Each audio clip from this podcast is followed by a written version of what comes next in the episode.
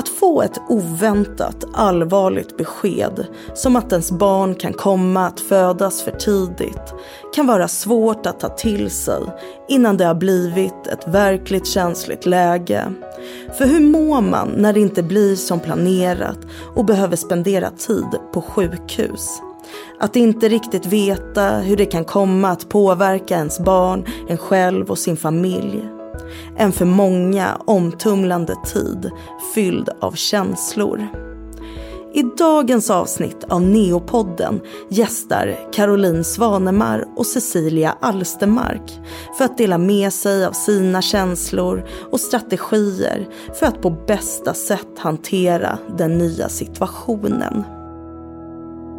Hej Caroline, hej Cecilia och välkomna till Neopodden. Tack så mycket. Tack. Men hörni, eh, då ska vi snacka lite kring eh, tankar och känslolägen. Caroline, din dotter, vilken vecka är hon född? Eh, 24 plus 2. Okej, och hur gammal är hon nu? Eh, fyra och ett halvt. Så det var ett tag sedan. Ja.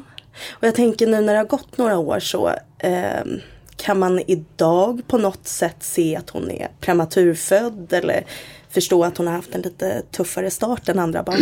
Eh, nej men jag tror, om man inte känner henne så tror jag inte det. Vi kan ju märka av det på att hon är senare i motoriken. Eh, och sen att, att ja, men hon har glasögon. Eh, som är väldigt vanligt för prematura barn. Men det kan ju vilket barn som helst få. Mm. Eh, men hon har inga typiska drag så för att vara prematur mer än att lite sånt har hamnat efter. Ja. Och Cecilia, din dotter, i vilken vecka är hon född i? Hon är född i 25 plus 6. Och hur gammal är hon idag? Idag är hon ett år och en vecka. Okej. Så nu är hon, den här veckan blir hon nio månader korrigerad ålder. Ja. Då, så. Hon blev ett här, väckte det några känslor? Ja, eh, det väckte ganska mycket känslor faktiskt. Så det har varit lite omtumlande nästan. Eh, min sambo och jag har också pratat en hel del nu om hur det var för ett år sedan. Eh, och sådär. Eh, och jag har också gått tillbaka i min Instagram och, och sånt. Jag har ju skrivit mycket under den tiden och nu har jag gått tillbaka och kollat vad hände den här dagen och, och sådär. Och även tiden innan hon föddes när det var mycket oro och så, så, så har jag också tänkt tillbaka att ja, den här dagen, eller den här veckan åkte jag in till sjukhuset nästan varje dag, eh, in, ja, ett par veckor innan då, och den här dagen blev jag inlagd på sjukhuset. Och, och sånt där. Så jag har tänkt ganska mycket, men det har också varit positiva känslor. Jag har liksom känt mig väldigt glad att hon har blivit ett år och att hon mår så bra som hon gör. Ja. Så man slängs lätt tillbaka till den här tiden? Ja, det, jag gör fortfarande det. Eh, jag ser det fortfarande liksom som, som ett trauma som jag fortfarande inte har bearbetat färdigt. Liksom. Och jag vet inte om man kommer bearbeta det färdigt mm. heller.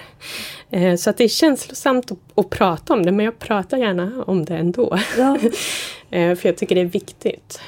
Och det är det och vi är jätteglada att du är med här för att vi tror ju att det här kommer hjälpa väldigt många andra som känner precis som du gör. Och jag tänker för dig Caroline, där det ändå har gått fyra och ett halvt år. Hur var det för dig första året och kanske när din dotter fyllde ett? Men jag känner igen mig jättemycket i känslorna och det du berättar. Att första året är väldigt speciellt och man dras ju mycket tillbaka till hur man vad som hände för ett år sedan och sådär. Um, så jag känner igen mig jätteväl i hur du mår nu och att, liksom att ja, men, vår är nästan lika, föddes samma vecka och sådär. Um, det blir ju bättre med tiden. Uh, vi känner inte samma liksom, känslor så när hon fyller år idag. Um, men det är ju fortfarande det är ett trauma man har gått igenom och det tar ju ett tag att bearbeta det. Mm. Um, Um, och jag vet inte heller om jag riktigt är klar om jag bearbetat mitt färdigt. Så.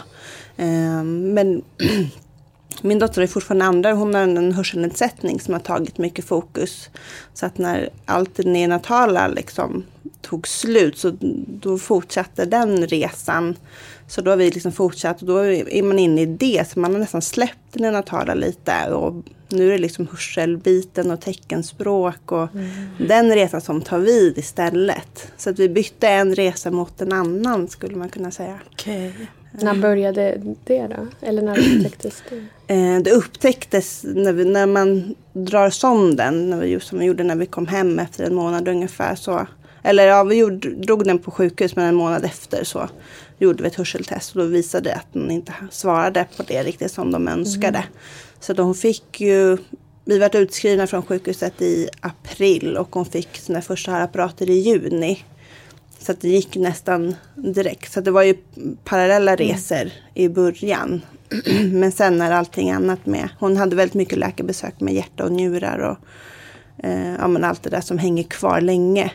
Eh, men sen när de liksom började fasas ut så fortsatte liksom hörseln.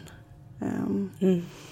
Så att det vart som att vi liksom, ja, vi fasade över oss själva också tror jag. Till att släppa det neonatala. Mm. Och så blev det det här istället. Hur är det för er Cecilia? Är ni fortfarande kvar i det liksom neonatala så? Att det är mycket mm. undersökningar? Och... Det blir mindre och mindre undersökningar för oss. Eh, så att jag, jag har väl ändå sen sen i höstas någon gång känt mig som en ganska vanlig förälder med en ganska vanlig bebis som har lite mindre vikt än de flesta. Så att det är många fortfarande som reagerar på att hon ser liten eller tunn ut. Så att man får ändå ofta förklara att hon är för tidigt född. För, för folk frågade länge så här, åh hon är nästan nyfödd va? Och så kunde hon liksom nästan prata eller liksom mm. så här, göra ljud och si, nästan sitta själv och sådär. Ja. Det, det är lite tröttsamt också för man påminns hela tiden om, om det då. Så att man har, man har lite motvilligt också fått vara kvar i det. Men sen har jag även frivilligt varit kvar i det också. För, eller jag har, jag har känt eh, behov av att prata mycket om det, upplysa andra om, om att eh, det här finns och vad det är och eh, informera eh, folk i omgivningen. Eh, som inte visste någonting mm. om, om, att man kan få barn så tidigt, vilket jag inte heller riktigt hade koll Nej. på förut på det sättet. Eh, sen så blev det, det blev under hösten mindre och mindre undersökningar. Eh, det var lite jobbigt i början att, det var, att man fick åka in till sjukhus och sånt och så tyckte man samtidigt att barnet var så litet och skört och att man inte ville hålla på för mycket. Eh, men, men det har gått bra. Eh, hon har då fortfarande eh, lite svaga lungor, eller nu vet man inte exakt men i höstas när de gjorde undersökning mm. av lungorna så var de eh, lite omogna och svagare så att hon får astmamediciner. Mm. Eh. Men jag tänker också den här ovetskapen som man har kanske första året som prematurförälder. Okej, kommer mitt barn att liksom, kan jag bocka av alla de här grejerna? Och liksom också så här, vad står det här för? Att lite svagare lungor, vad innebär det? Alltså hur bär man på den oron och ovetskapen? vet inte, alltså vi var väldigt relaxed tyckte jag, både jag och min sambo. Då.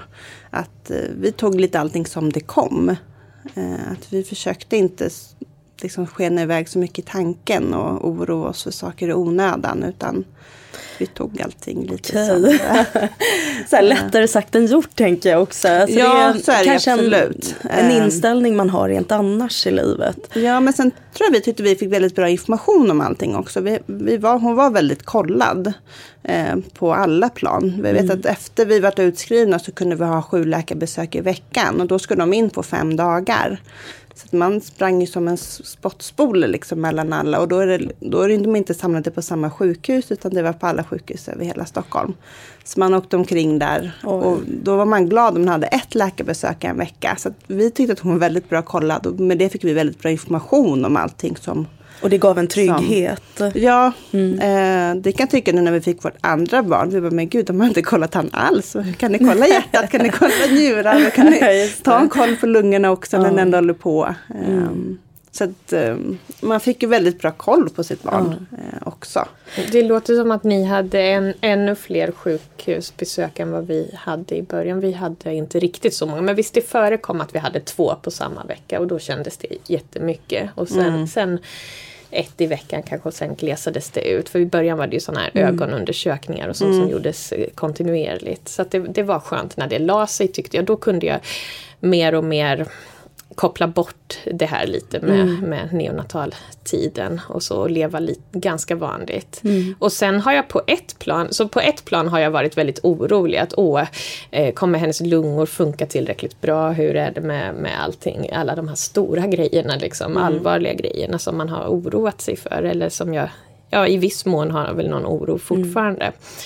Eh, och i, på ett annat plan har jag varit mindre orolig än eh, flera andra nyblivna föräldrar mm. som jag har träffat för att jag, jag, tycker att jag har haft sån koll på allt. Alltså att vi, vi bodde ju på sjukhus i tre månader vilket var en bra skola för att lära sig att ta hand om sitt barn. Och liksom, mm. Så att andra saker som, som vissa andra föräldrar kanske oroar sig för har, har jag inte haft. Eh, utan det har, där har jag känt mm. avslappnad som jag tror att vi liksom växte in i vår föräldraroll under de tre månaderna på sjukhus. Så att vi hade aldrig något sånt här kaos när vi kom hem som folk beskriver Nej. när de kommer hem från BB direkt. Och det kan man ju förstå att det är jättekonstigt mm. att bara komma hem så som en familj. Utan vi hade ju våra rutiner redan och, och sådär. Ja. Eh, så det, ja. ja men det finns oro och oro och eh, liksom man får lite perspektiv på saker och ting. Att mm. liksom den där barnvagnen kanske inte är så viktig. Liksom. Eller den är viktig. Men jag tänker man behöver inte ha det flådigaste av allt. Nej. Det är Nej. inte det som liksom spelar roll, eller? Tänker ja. jag. Mm. Precis. Men jag tänkte också att vi ska gå tillbaka lite och prata om eh, graviditeten. För det man har förstått eh, bland eh, prematurföräldrar och prematurmammor då, det är ju att man känner sig lite snuvad på sin graviditet. Man fick liksom inte gå hela vägen ut. Är det mm. någonting ni har upplevt? Mm. I början kände jag mig jättebesviken på det. Eh, och det var också en sorg. Samtidigt som man hade fått ett sjukt barn så, eh, så sörjde jag faktiskt att jag inte fick eh, fick ha min graviditet och att jag aldrig hann få en riktigt stor mage. Min mage var ganska liten och, och sådär. Eh, jag fick höra att det knappt syntes att jag var gravid ja. och sånt där. Så det gjorde jag verkligen eh, i början. Nu kan jag inte säga att jag sörjer det riktigt för att nu har jag ändå eh, varit förälder ett tag och, och upplevt massa mm. grejer. Men jag tänkte, tappar du lite tilltron till din kropp? Gör man det? Att man liksom inte litar på sin kropp längre kanske och känner att jag inte duger eller att jag inte klarar det Men som andra klarar. Det är så tror jag att jag kände. Mm. Att um, um, Jag gick ju också tidigt och fick knappt någon mage. Gick ut på jobbet i vecka 19 och sen en månad senare så kom hon. Um, och, eh, och sen tror jag när jag vart gravid igen att uh, jag trodde att jag hade bearbetat den förra graviditeten men det märkte jag ju sen när jag blev gravid igen att det hade jag ju inte. Uh, och då var det att jag gick på kontroll en gång i veckan. Och, och då tappade jag ju tron om att den här graviditeten också skulle, skulle gå. Jag var ju på väg. Eh, han var på väg ut. Eh, en gång så vi fick stoppa upp det, men det lyckades. Mm. Eh, men jag kunde inte njuta den graviditeten med honom för att jag nästan jag sörjde samtidigt den förra och tänkte att ja, men den här magen fick jag ju inte med henne. Och så, där. så det var liksom lite dubbelt när jag var gravid igen. Mm. Tyckte jag. Men hur tar man sig vidare liksom? Från att säga okej, okay, nu blev det inte så här. Skäms man lite? Alltså skäms man? Jag det, Nej, det kan jag inte säga att jag har gjort. Eller, mm. det, jag har verkligen eh, försökt att liksom Ja, men för, för, i början letade jag ju lite så här, men kan det vara något jag hade gjort som, som gjorde att det blev så här? Och där pratade jag ju med min läkare, alltså förlossningsläkaren eh, som jag hade mycket kontakt med under veckan innan hon föddes också. Eh, och, och, pratade med henne och, och, liksom, och även med psykolog och sådär. Och, och det jag har fått veta är ju att det inte fanns något som jag har gjort som gjorde att det blev så. så jag, man, jag har ju försökt ta bort skulden från mig själv. Liksom, och, eh, och, och tänka så att det, det, är andra saker som påverkar mm. som gjorde att det mm. blev så. Så att jag har nog inte eh, jag har nog inte känt att, inte, att min kropp inte klarade av det eller, eller sådär riktigt. Utan det var oturligt att det blev så liksom. Mm. Men, men det var inte mitt fel. Kunde du Caroline känna att du bar på någon skuld eller att du vände dig inåt och ifrågasatte dig själv? Eh, men lite tror jag att um, om man känner något, något, typ av ansvar för att det blev som, som det blev. Sen förstår jag ju självklart att det inte var mitt, mitt fel så jag kunde ju inte gjort någonting annorlunda. Um, så att, så det, man brottas lite med, med sig själv där. Att ena sidan vill det är som de här små änglarna på axlarna. Mm. Ena säger att men det är absolut inte ditt för den andra står där med mm. tveudden och bara jo, det är visst ditt fel. Mm. Um, så det är lite dubbelt. Men jag vet ju att det inte är mitt fel. Um. Ja, och det, så kan jag känna också. att jag, jag, vet ju rent intellektuellt att det är så. Men sen liksom kan jag ändå ha de känslorna om, av att det är därför jag ibland tycker att det har varit så jobbigt med läkarkontrollerna och sånt där. För jag, jag är så, eh, så rädd då att det ska upptäckas något eh, fel på, på, eller inte fel, men att hon har någon sjukdom som, har, som är, hon har på grund av att hon är prematurfödd. Och det tycker jag känns jobbigare i så fall än om hon skulle ha någon annan sjukdom som hon hade fått ändå. Ja. För det blir ständiga påminnelser om att eh, eh, att hon är prematurfödd och jag har känt lite att vissa av de här kontrollerna man går på blir liksom då kommer det här traumat upp igen att åh, allt det här gör vi bara för att hon föddes för tidigt och, och då är det ändå indirekt som att det är lite mitt fel om hon har mm. dåliga lungor. Men jag till tänker, exempel. Ja, jo, men, och jag, jag, förstår tankegången där. Men jag tänker till exempel som du Caroline som har kommit lite längre och mm. har liksom, din dotter är fyra och ett halvt. Nej, men vi, ja, vi hade aldrig de tankegångarna Nej. utan vi tror jag blickar mycket, ja, men så kollar mycket framåt. Okej, hur gör vi det här nu då? Um, hur gör vi det på bästa sätt? Mm. Uh, och vi trodde ju, vi fick reda på faktiskt bara här om veckan att det är en genmutation som har gjort att hon har sin hörselnedsättning. Um, så det är troligtvis någonting som kommer ah. från både mig och hennes pappa. Uh, så det var 25 procents risk att hon skulle få det och okay. hon fick det. Um, så, men där trodde ju läkaren också att det är på grund av hörsel, eller neotiden och hennes födsel då, som gjort att hon har den hörselnedsättningen. Mm. Men nu visar det sig att det nog inte är så. Okay. Eh, men, nej, men vi har nog aldrig haft att vi har läckt gulden eller så på, på oss av de anledningarna tror jag. Mm. Um, utan... Vet, vet ni varför era barn, eller varför, varför ni födde för tidigt? Har ni fått svar på det? In, inte hundra procent, det är bara liksom... Eh, men, det, men jag hade... Eh, jag hade placenta previa, eh, lågt sittande moderkaka. Då. Mm. Eh, och det fick jag veta på rutinultraljudet, så att det visste jag ju om. Men först var det ju inga problem med det och de berättade ju att oftast så flyttar sig moderkakan uppåt och, och sådär. Eh, så att för de flesta blir det inga problem. Eh, men, men jag började få blödningar sen, sen då, några veckor efter rutinultraljudet. Och eh, det är inte helt säkert att det var därför eh, som hon föddes för tidigt. För att det är vanligt att få blödningar om man har den här mm. komplikationen och det behöver inte betyda något. Så jag var beredd på att föda lite för tidigt. För då sa de till mig att då kanske vi gör planerat snitt i vecka 36 eller vecka 38 om du fortsätter ha blödningar. Så jag var så här, okej, okay, ja men då får, får det bli så liksom. Eh, men sen var eh, så att jag, jag, då var jag inlagd på SÖS, ett par, Södersjukhuset, ett par nätter och blev utskriven därifrån.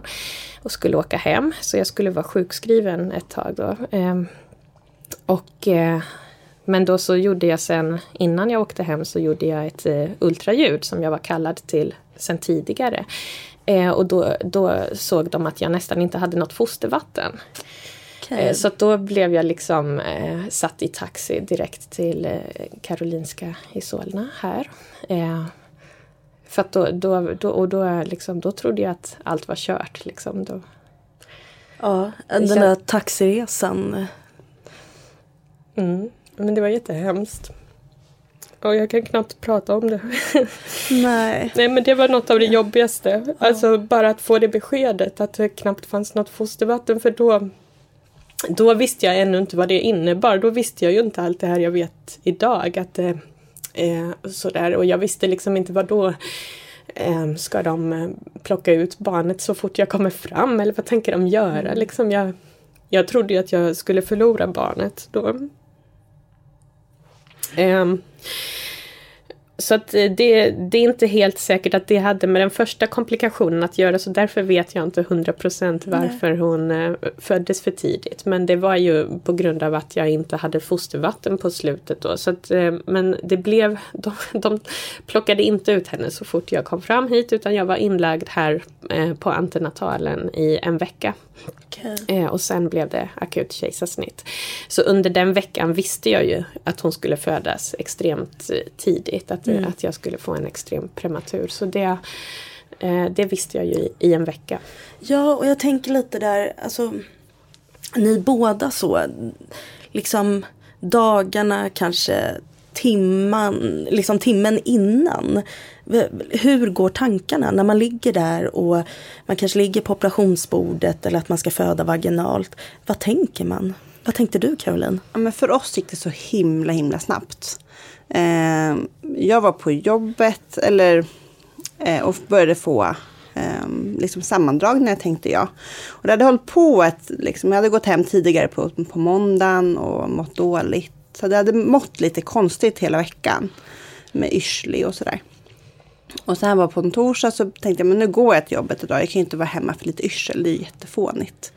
Eh, så jag åkte dit och började få lite sammandragningar och var yrslig och sådär. Och då jobbade jag på Ikea på byten och återköp. Jag stod liksom och tog kunder, så gick in och satte mig och vila och så gick jag ut igen och bara, men gud jag kan inte hålla på så här, det är ju fånigt. Eh, men jag trodde att det var, det var kanske mitt blodtryck som höll på att bråka lite. Så jag ringde till barnmorskan och bara, men du har ju tid om en vecka. Du kan vänta tills dess. Sådär. Ja, annars får du ringa förlossningen. Um, och då tror jag, jag tror att min kropp hade kopplat redan innan att det var på G. För så fort hon sa förlossning, då liksom började jag storböla.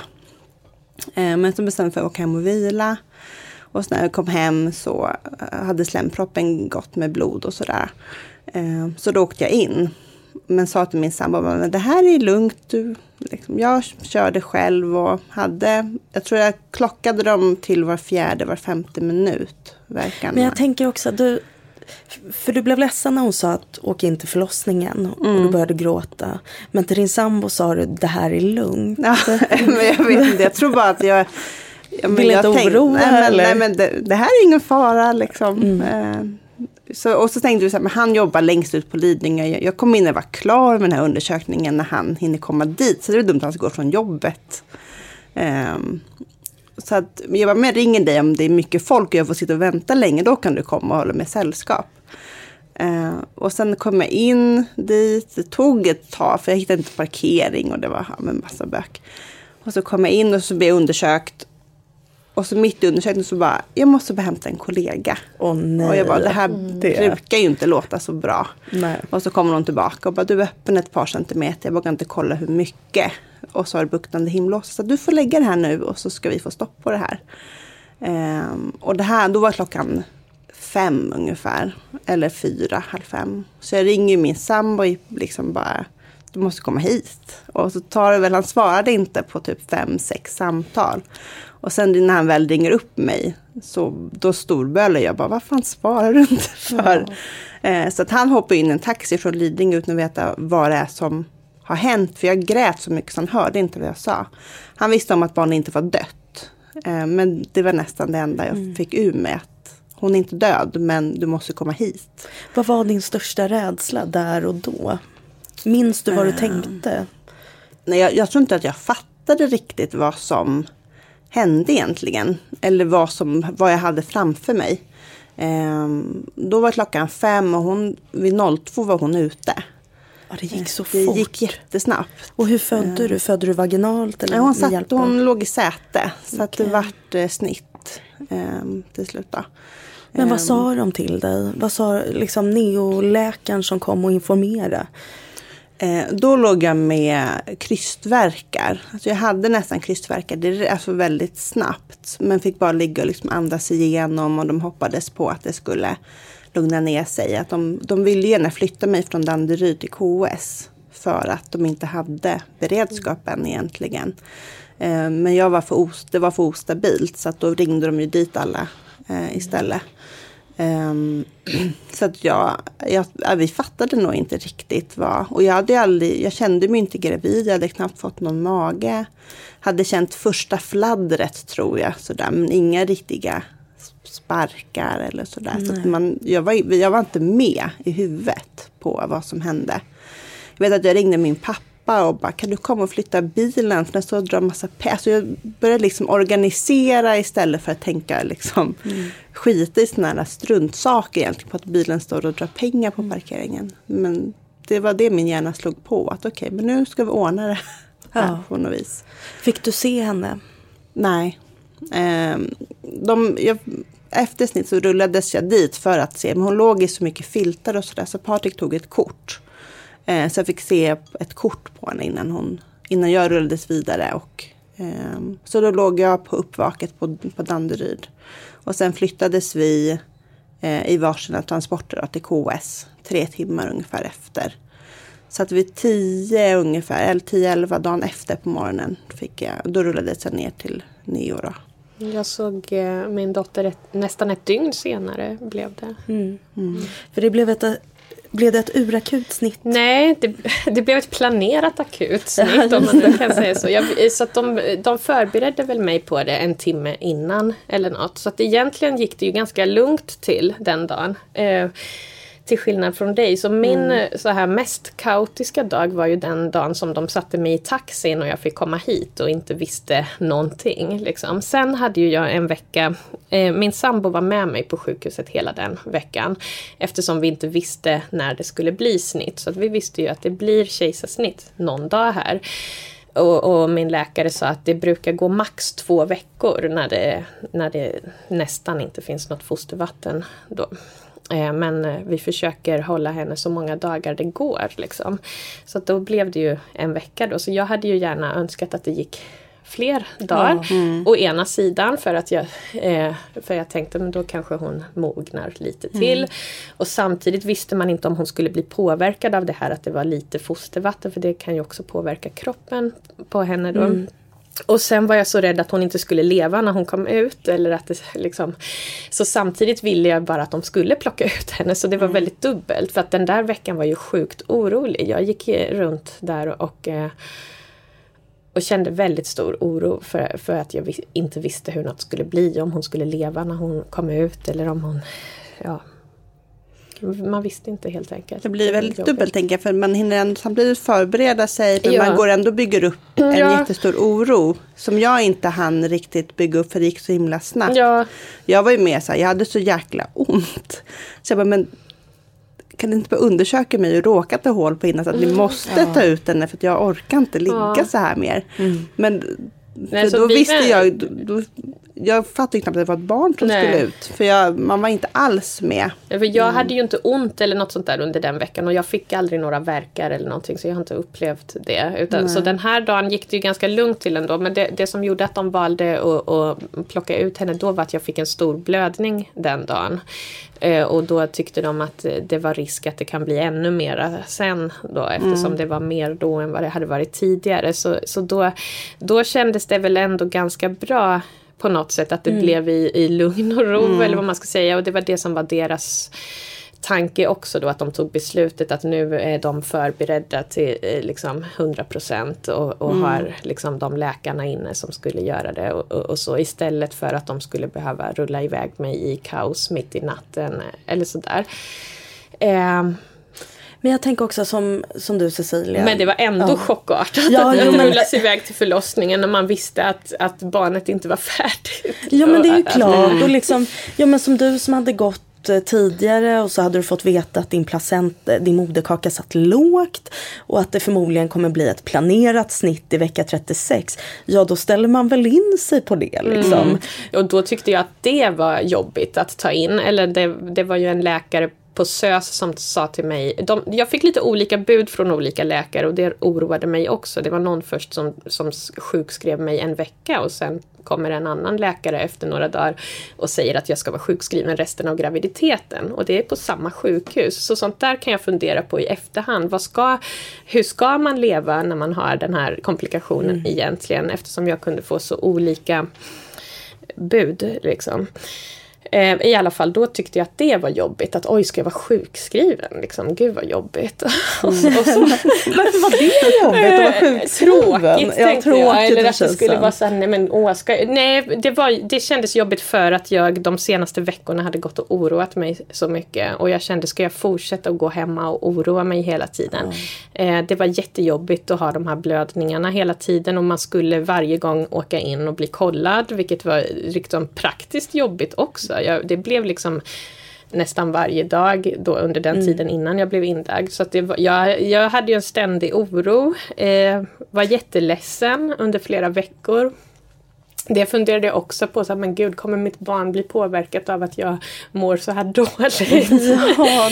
eh, alltså massa sådana tankar ja, eh, med oro som jag hade haft ett tag. Så på ett sätt var det ju lite skönt när hon väl kom ut, även om det var som det var. Men att jag liksom, ja men hon, hon lever och hon uh, har liksom goda chanser mm. att klara sig och, och, och, sådär. Men det är klart att första tiden på Neo var, var ju ja. jättemycket oro mm. för hennes hälsa. Vet du vad du var oroad över eller var det mer bara att det fanns en oro och det var något som skavde i dig, liksom att det gjorde ont i dig?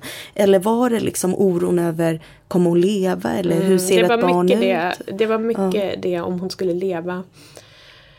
Um, om hon skulle vara hyfsat frisk eller ha förutsättningar att bli frisk och, och, och sådär. Om hon skulle ha förutsättningar att leva ett bra liv och liksom mm Mm. Ja, och det där är ju så himla svårt att veta.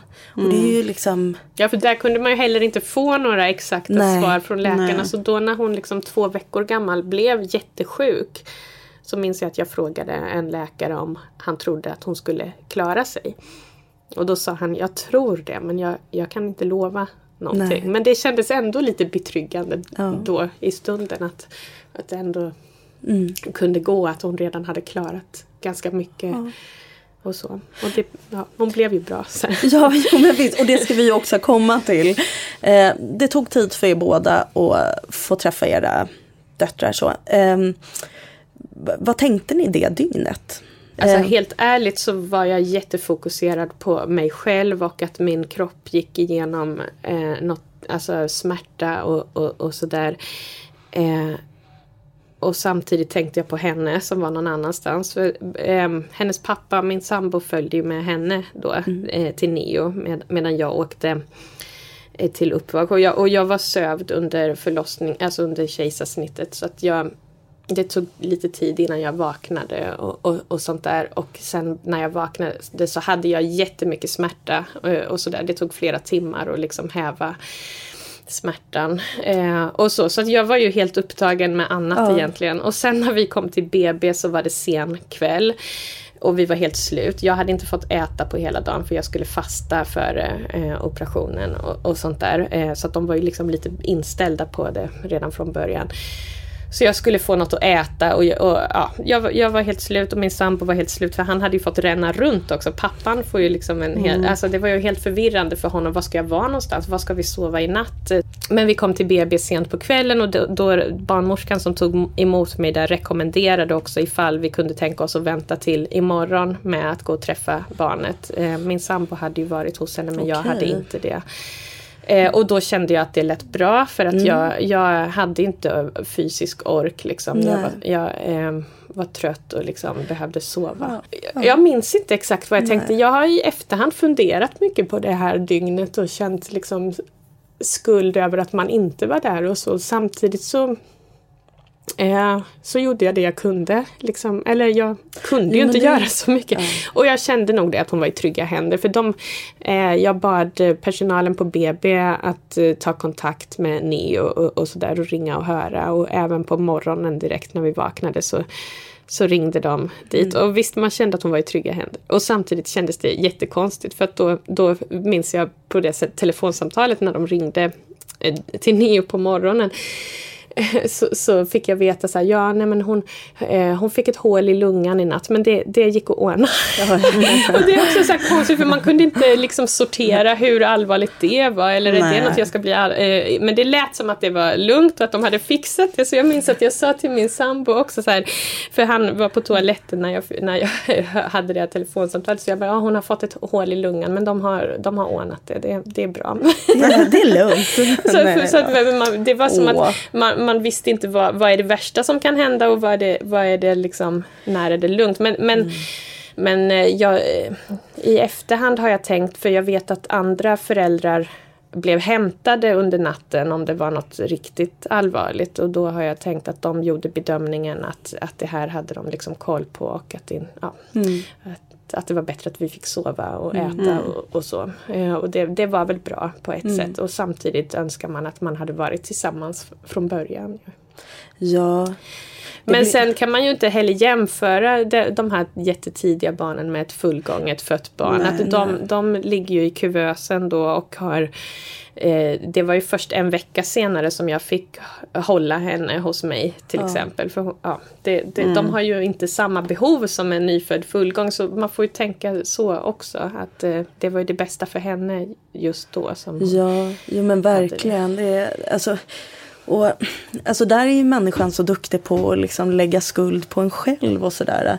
Men jag tänker också som, ja, men jag har hört flera föräldrar som har väntat med att komma ner och se sitt barn. Och det är ju inte för att så här, åh, äh, jag kan ta det imorgon. Utan precis som ni säger, alltså man har ju precis gått igenom ett mm. kejsarsnitt. Man är helt slut. Ja, vissa har ju legat i veckor och vissa har haft verkar och man blöder och så.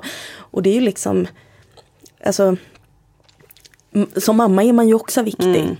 Alltså, man måste bara få några timmar att liksom hämta sig lite. Mm. Och sen kan man ta sig dit. Men det kommer vi var helt slut. Vi vart ju, hon kom ju vid två på natten. Och sen vid fem på morgonen för, att vi hämtade med transport för att köra sig till KS. Um, och så då var man ju helt slut. Jag hade jobbat och sen hela den här förlossningen, operation och alltihopa. Mm. Och sambon hade jobbat. Ja. Så vi ville bara sova. um, så det kommer jag ihåg att uh, man var upptagen.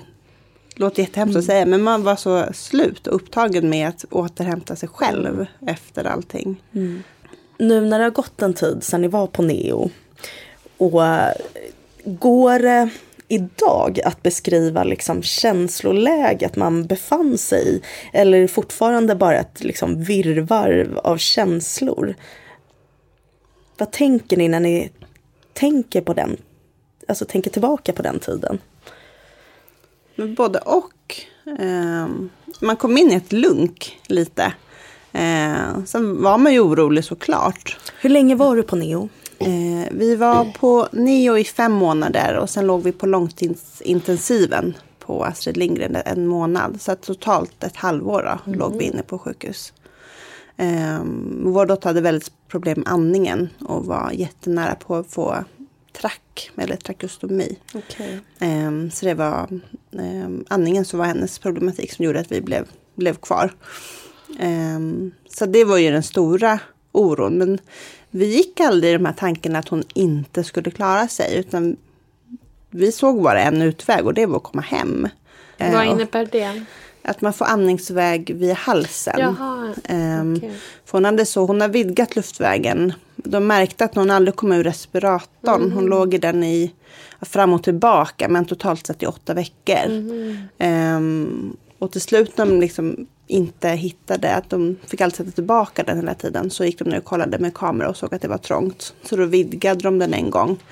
Eh, men så fort de tog den så svullnade de på sig så mycket. Så då var det nära flera gånger att de fick ha. Så vi hade en akutvagn för sådana saker bredvid hela tiden ifall det skulle tjockna igen. Mm.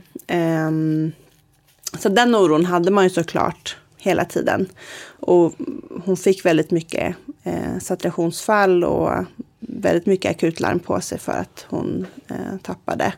Eh, men vi var så vana i det där till slut att ja, ja, men hon kommer igen. Eh, så jag minns en gång väldigt starkt när hon eh, fick, de drog på ett akutlarm på henne för att hon liksom tappade och gick ner så lågt och behövde hjälp att komma igång igen. Eh, men då var det en mamma bredvid som nyss hade kommit och hon reagerade jättestarkt på det här och började gråta jättemycket. Eh, men personalen kom fram till mig och bara, men gud, hur mår du? Jag bara, men jag mår bra, men hon tror jag behöver hjälp. För vi kom in i det, vi var så vana med att vi såg aldrig att hon inte skulle klara sig ur det, för att hon gjorde ju alltid det. Hon kanske hade två, mm. tre sådana där om dagen. Men var det som att man inte hade något, något alternativ? Att säga, okej, okay, nu är det här vår vardag. Mm. Men jag, jag tror det, för att skydda sig själv så tror jag att, eh, att, eh, att man ställde om så. att eh, för att, för att orka igenom. Ja. Um, för jag... det fick jag mycket frågan, men hur orkade ni? Men vi, vi hade inget alternativ. Det var ju våran Så vardag. har jag också känt när folk har frågat hur, hur har ni stått ut här så länge? Och ja. sånt där. Och då är det ju så, men det, det har man ju inget alternativ att göra. Man, man får göra det bästa av det. Och det, det, tycker jag ändå att vi i efterhand när vi pratar om neotiden så, så, så tycker vi ändå att vi på många sätt hade en ganska trevlig tid. Vi var, vi var ju nästan tre månader på, sjuk, på neo så vi var ju inte lika länge som er. Så vi var tills hon var... Vi åkte hem tio dagar innan hon skulle födas. Så strax före hon mm. var liksom... Skulle, ja. Mm. Eh, tio dagar före beräknad födelsedag åkte vi hem. Eh, så att hon... Ja, Eh, och det, hade ju vi, det var ju det, den prognosen de gav oss redan från början när vi frågade hur länge kommer vi vara på neo? Ja men tills, tills hon skulle vara född ungefär. Så att det, på något sätt så visste vi det. Vi mm. hade det som riktmärke hela tiden att ja, mm. omkring sista juli, mm. där, där omkring kommer vi åka hem. Eh, men sen var det ju vissa tillfällen då när hon blev riktigt dålig som vi var väldigt rädda mm. att det inte skulle bli så. Men, men sen eh, när, när det hade gått ett tag, alltså sista månaden, kände, då var jag ju aldrig rädd att hon inte skulle klara sig. Utan då, då kände man ju henne och såg att det gick framåt och, mm. och sådär. Och att det hade kommit så långt. Liksom, att hon bara hade en sån här enkel grimma sista månaden för, mm. för med syrgas och, och, och, så. Så hon hade ju ganska länge behov av syrgas men väldigt lite på slutet eh, och så. Så att vi såg ju mest då att det gick framåt hela tiden. Så sista månaden kände jag mest att man ville komma hem mm. och så. Medan in, tidigare än så hade man ju, man hade ju lite svårt att se framför sig att man skulle åka hem mm. och leva ett vanligt liv. Med, och, och sådär, att kunna lyfta upp henne utan några slangar och sånt. Det kändes ju jättelångt fram där mm. de första mm. veckorna. Eh, att det var en sån procedur att lyfta upp henne och när man skulle hålla henne hos sig och, och så. Sen blev det ju eh, mer och mer grejer som plockades bort. Hon hade ju mycket från början och sen blev det mindre och mindre hela tiden. Så man, såg, man följde ju de här framstegen hela tiden. Det var dels att bli av med olika utrustning och dels att gå upp i vikt och växa. Så man hade ju ja, eh, man hade något som man följde och eftersträvade hela tiden. Och vi, vi försökte hela tiden eh, ha det så trevligt som möjligt eh, trots det vi levde i. Att ibland mådde vi ju dåligt och var jätteoroliga men ibland eh, så hade man bra, alltså vi hade mycket bra dagar och vi såg till att liksom Ja men vi eh, firade på fredagar med att äta något gott och, och liksom sådär att nu har vi gjort en vecka till och, och sådär. För oss var, var det viktigt liksom att ha lite, lite grejer som inte hade med sjukhuslivet att göra. Och, så kunde man liksom känna glädje också på neonatalen eller var det mer bara ett nollläge? Att man så ja nu är vi här och nu ska vi göra det här. Eller kunde man känna ibland att åh nu känns det bra och nu mår jag bra liksom. Man fick väl hitta energi i det som eh, i de där små. Att ja, men, något över födelsevikten igen eller att ja, men det står på plus. Eller att saturationen har hållit sig fin ett tag. Mm. Ehm, så man fick ju hitta såna här jättesmå saker men som gav en energi. Vi är faktiskt väldigt duktiga på att ta oss ut också. Och det är en jättestor cred till all personal vi hade.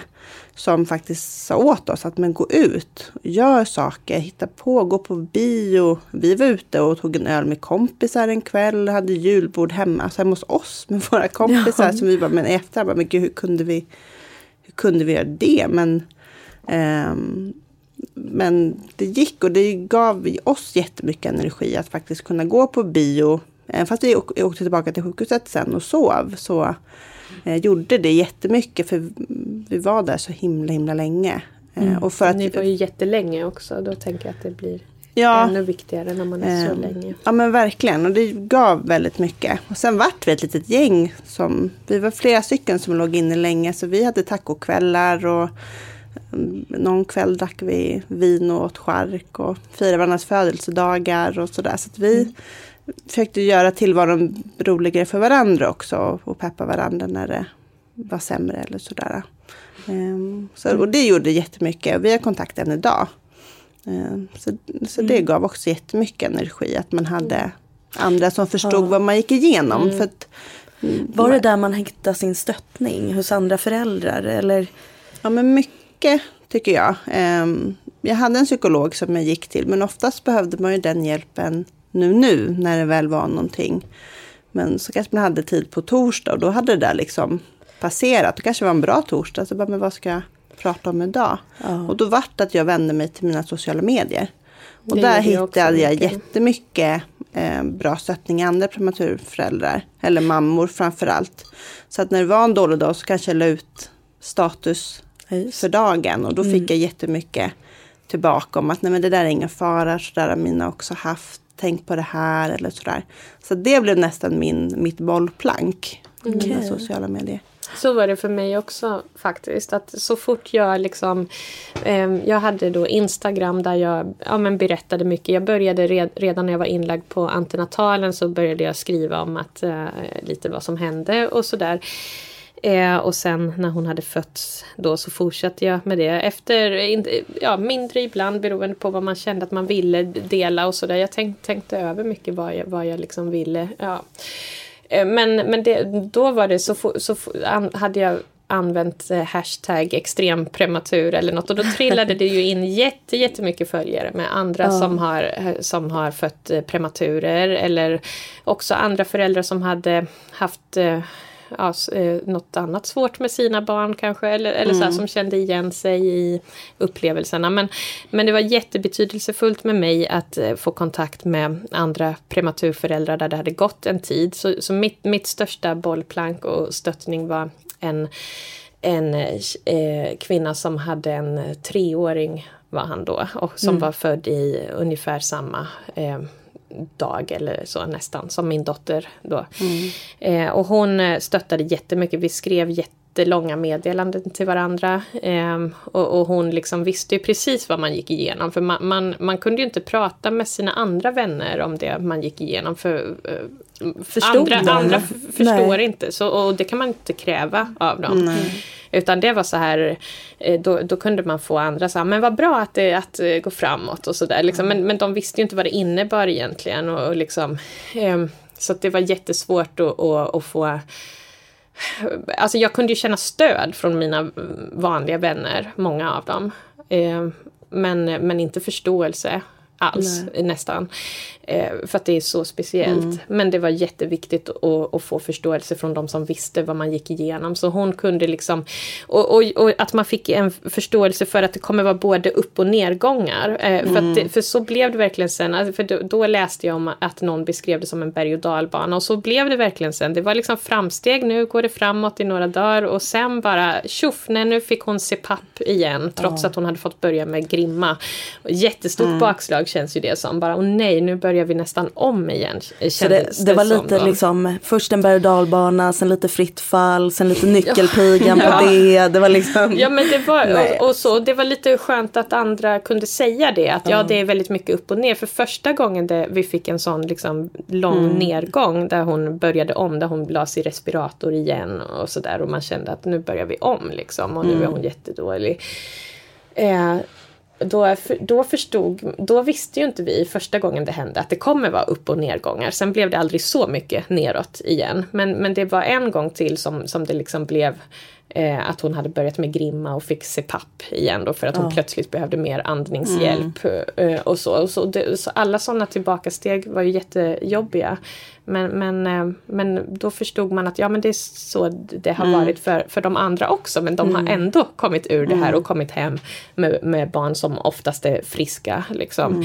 Eh, så då, då visste man det. Så när det, när det hände saker senare så kunde jag ändå ha, ha koll på att även om det är sämre nu så kan det, ja, även om man var orolig. Men det kanske jag inte riktigt visst, hade vetat annars om Nej. jag inte hade sett att andra hade eh, gått igenom på samma sätt. Ja men och då kan man ju verkligen förstå att sociala medier är jättevärdefullt.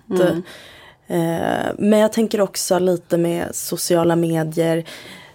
När man blir gravid så tänker jag att man börjar också följa mycket andra konton.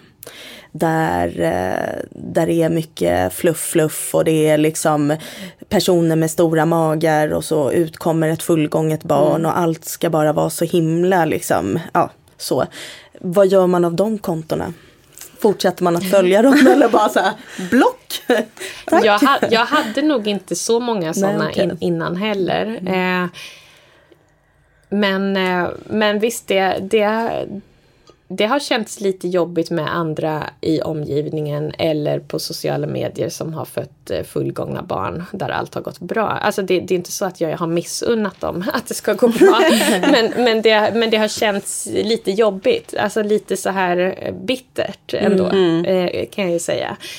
Och samtidigt är man jätteglad för deras skull, givetvis. Men ehm, Men jag, kan, eh, jag kan nästan bli arg lite ibland. När man, jag lyssnade på någon annan podd för ett tag sedan. Där de liksom pratade om graviditeter och sådär. Och den som tog för givet att barnet skulle komma där Mm. runt vecka 40. Och då kan man säga, nej, då slutar jag lyssna. För jag kan nästan bli irriterad på när det liksom tas för Sånt givet. att allting på, ska när- vara så... ehm, Sånt kan jag reagera på också, att, det, att man alltid säger, eller att folk frågar varandra när ska barnet födas? Eh, och Mm. sådana saker och när, när kommer den? och, och sånt där. Och då blir man så här, men det, det vet man aldrig. Men det vill man inte säga till folk. Men, eh, men, man kan, men jag frågar nog, när är barnet beräknat? Frågar jag, för det känns som en viktig skillnad för mig att man kan eh, man, eh, det föds inte alltid efter 40 veckor. Och man förstår ju nu när, alltså när man har träffat så många andra som har varit med om samma sak, att så, det är inte så himla ovanligt ändå. Man träffar ganska många som har fött sina barn väldigt, väldigt tidigt. Så att, eh, ja, men, men eh, Ja, jag, jag Ja. vet inte vart jag ville komma med det riktigt. Men, men, men man, kan, man kan reagera på, Ja. på mycket saker. Ja, Men sen tror jag mycket det också kan ligga i en själv, att den här saknaden av graviditeten man inte fick. Mm. Att, att irritationen ligger mycket i det. Att Ja, men det, det, var det, absolut. det man ville få lite sådär. Det man också byggde upp en historia eller fantasier om när man var gravid. Om att hur graviditeten skulle bli. Ja, man själv hade ju också tänkt att föda någon gång kring Ja. veckan Ja. 40. Och jag skulle Och då- gå då gravid lite- över jul och nyår. Ja. Och det liksom, jag skulle bli så tjock och sådär. Och jag skulle ha bikini på sommaren och en stor mage. Och så, det var min liksom, bild, att så kommer det vara. Och så blev det aldrig Nej. så. Nej. ja men och då tänker jag att man måste sörja det också för att kunna gå vidare. Mm. Absolut. Sådär att bearbeta den sorgen. Mm. Men vad hade ni för överlevnadsstrategier? Vi har ju pratat lite om det. Gå ut var en grej, gå ut och få luft. Fira varje fredag där. Det tycker jag två väldigt bra. Eh, Vi fick jättemycket hjälp av våra nära och kära. Eller liksom familjen framför allt. Som lagade all vår mat. Och kom med matlådor. Så vi hade matlådor Hela tiden? hela tiden. Okej. Ehm, eftersom det inte fanns, vi hade bara en mikro, det fanns inget kök. Nej. Ehm, så då kom våra föräldrar med, med mat som de stod och lagade på, oftast på helgerna. Och så kom de och fyllde på våra frysfack. Så vi hade, och det var nog liksom en stor del till att vi orkade också, att vi fick ordentlig mat. För det fanns, ja men på gamla då, det enda som fanns var lunchrestaurang eller Pressbyrån. Så att det var ju väldigt mycket godis. Eh, så. Eh, och det hade nog blivit ännu mer om man inte hade haft de där matlådorna så att man mm. fick ordentlig med energi. Slippa gå ut och jaga mat också. Mm. Det ägnade vi oss ganska mycket åt. Mm. Eh, vi fick, vi, jag, jag fick eh, som tips, minns jag, från en av kuratorerna att be era vänner att komma med mat. Så jag gjorde faktiskt det till mina två närmaste vänner. Så att två gånger fick jag matlådor. I alla fall. Och det var jättemycket värt förstås. Mm, men, det, men det hade varit jätteskönt om vi hade kunnat få ännu mm. mer hjälp. Eh, hade jag tyckt. För att mm. det, det, var ett ständigt jagande på vad ska vi äta mm. idag. Det, man vill inte äta färdig mat hela tiden.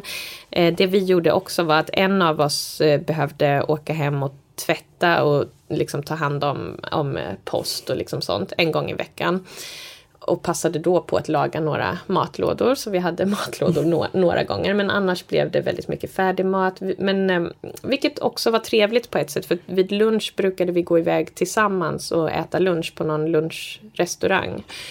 Eh, så det var en, och det var ändå en trevlig grej liksom. Mm. Och, komma iväg så. Mm. Eh, och se någonting annat. Så det, det var skönt på ett sätt. Och det här var ju under vår och sommar. Som ofta satt vi liksom i en park eller någonting och mm. åt lunchen eller så. Eh, så det var jätteviktigt för, för mig att komma ut en stund varje dag. Eh, ofta blev det ju att vi inte kom ut tillsammans då, utan vår strategi var att den ena satt hud mot hud i några timmar och då hade den andra ledigt i några timmar eller vad man ska okay. säga. Och, ja, men och kunde gå ut en promenad eller liksom gå och handla maten som vi skulle äta den dagen mm. eller ja, sådana saker. Eh, eller något annat man behövde göra. Eh, så att det, vi turades väl om lite att, att, ha, att vara på sjukhuset och just där när man mm. satt mot, hud mot hud i flera timmar och, och, så. Så att den andra kunde göra någonting annat under den stunden. Ja. Så det, det tyckte jag ändå var en bra strategi att dela upp sig lite grann. Men att mm. också hinna träffa varandra. Så att vi åt ju, åt ju tillsammans var, mm. varje dag till exempel. Så att vi, vi ändå träffades också. Um, ja, ja, jag tänker det kan ju inte vara allt för kul att börja sitt familjeliv på 15 kvadrat mm. på en sjukhusavdelning med vita väggar.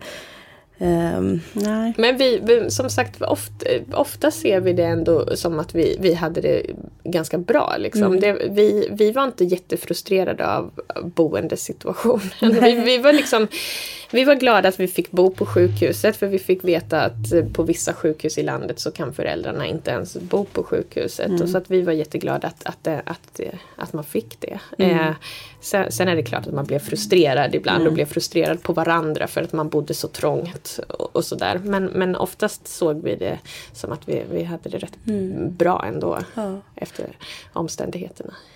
Hur tror ni att den här händelsen, att ni fick barn för tidigt och behövde spendera tid på sjukhus och så. Vad har den gjort med er så? Hur har den påverkat er? Men rätt så mycket tror jag. Ehm, jag tror vi... Ehm, ja, men man har blivit väldigt erfaren inom och kan väldigt mycket som man inte hade kunnat innan. Eh, eller annars. Mm. Ehm, sen också med... Men vi blir nog inte lika oroliga över saker som vi kanske hade blivit annars. Hur tänker du då? Alltså tar ni livet mer med en så här klackspark att ja, ja, lever lite i nuet. ja, men, men kanske in, ja, eller om, om, en, om det händer någonting med henne kanske att man, eh, om det inte är något jätteallvarligt såklart.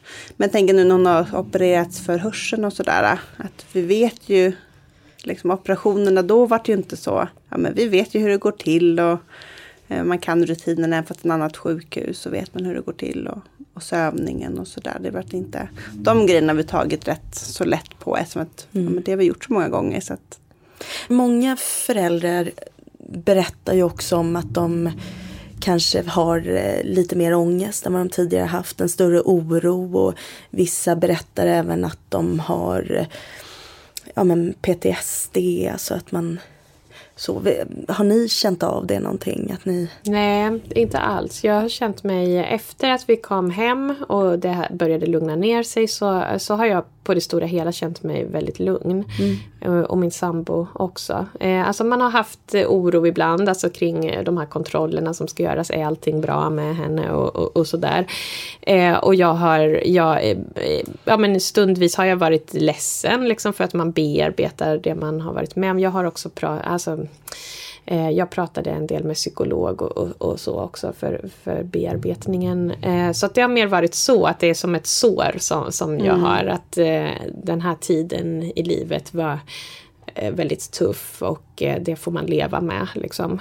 och de här såren blir väl mindre och mindre men, men försvinner inte helt. Så, så ser jag nog på det. Men, men jag har jag har inte haft eh, några sådana stark oro mm. eller ångest eller så. Nå någonting, utan jag har, det har varit eh, för mig var, var, det väldigt läkande när man kom hem och liksom såg att vi ändå kunde leva ett vanligt familjeliv eh, och sådär. Och sen har vi haft en väldigt lugn bebis också. Det kanske har underlättat. Vi har fått sova bra och, och, och sådär. Och det, jag tror att det har, har, gjort att man liksom kände att man kom in i ett mm. bra, bra mm. flow sen.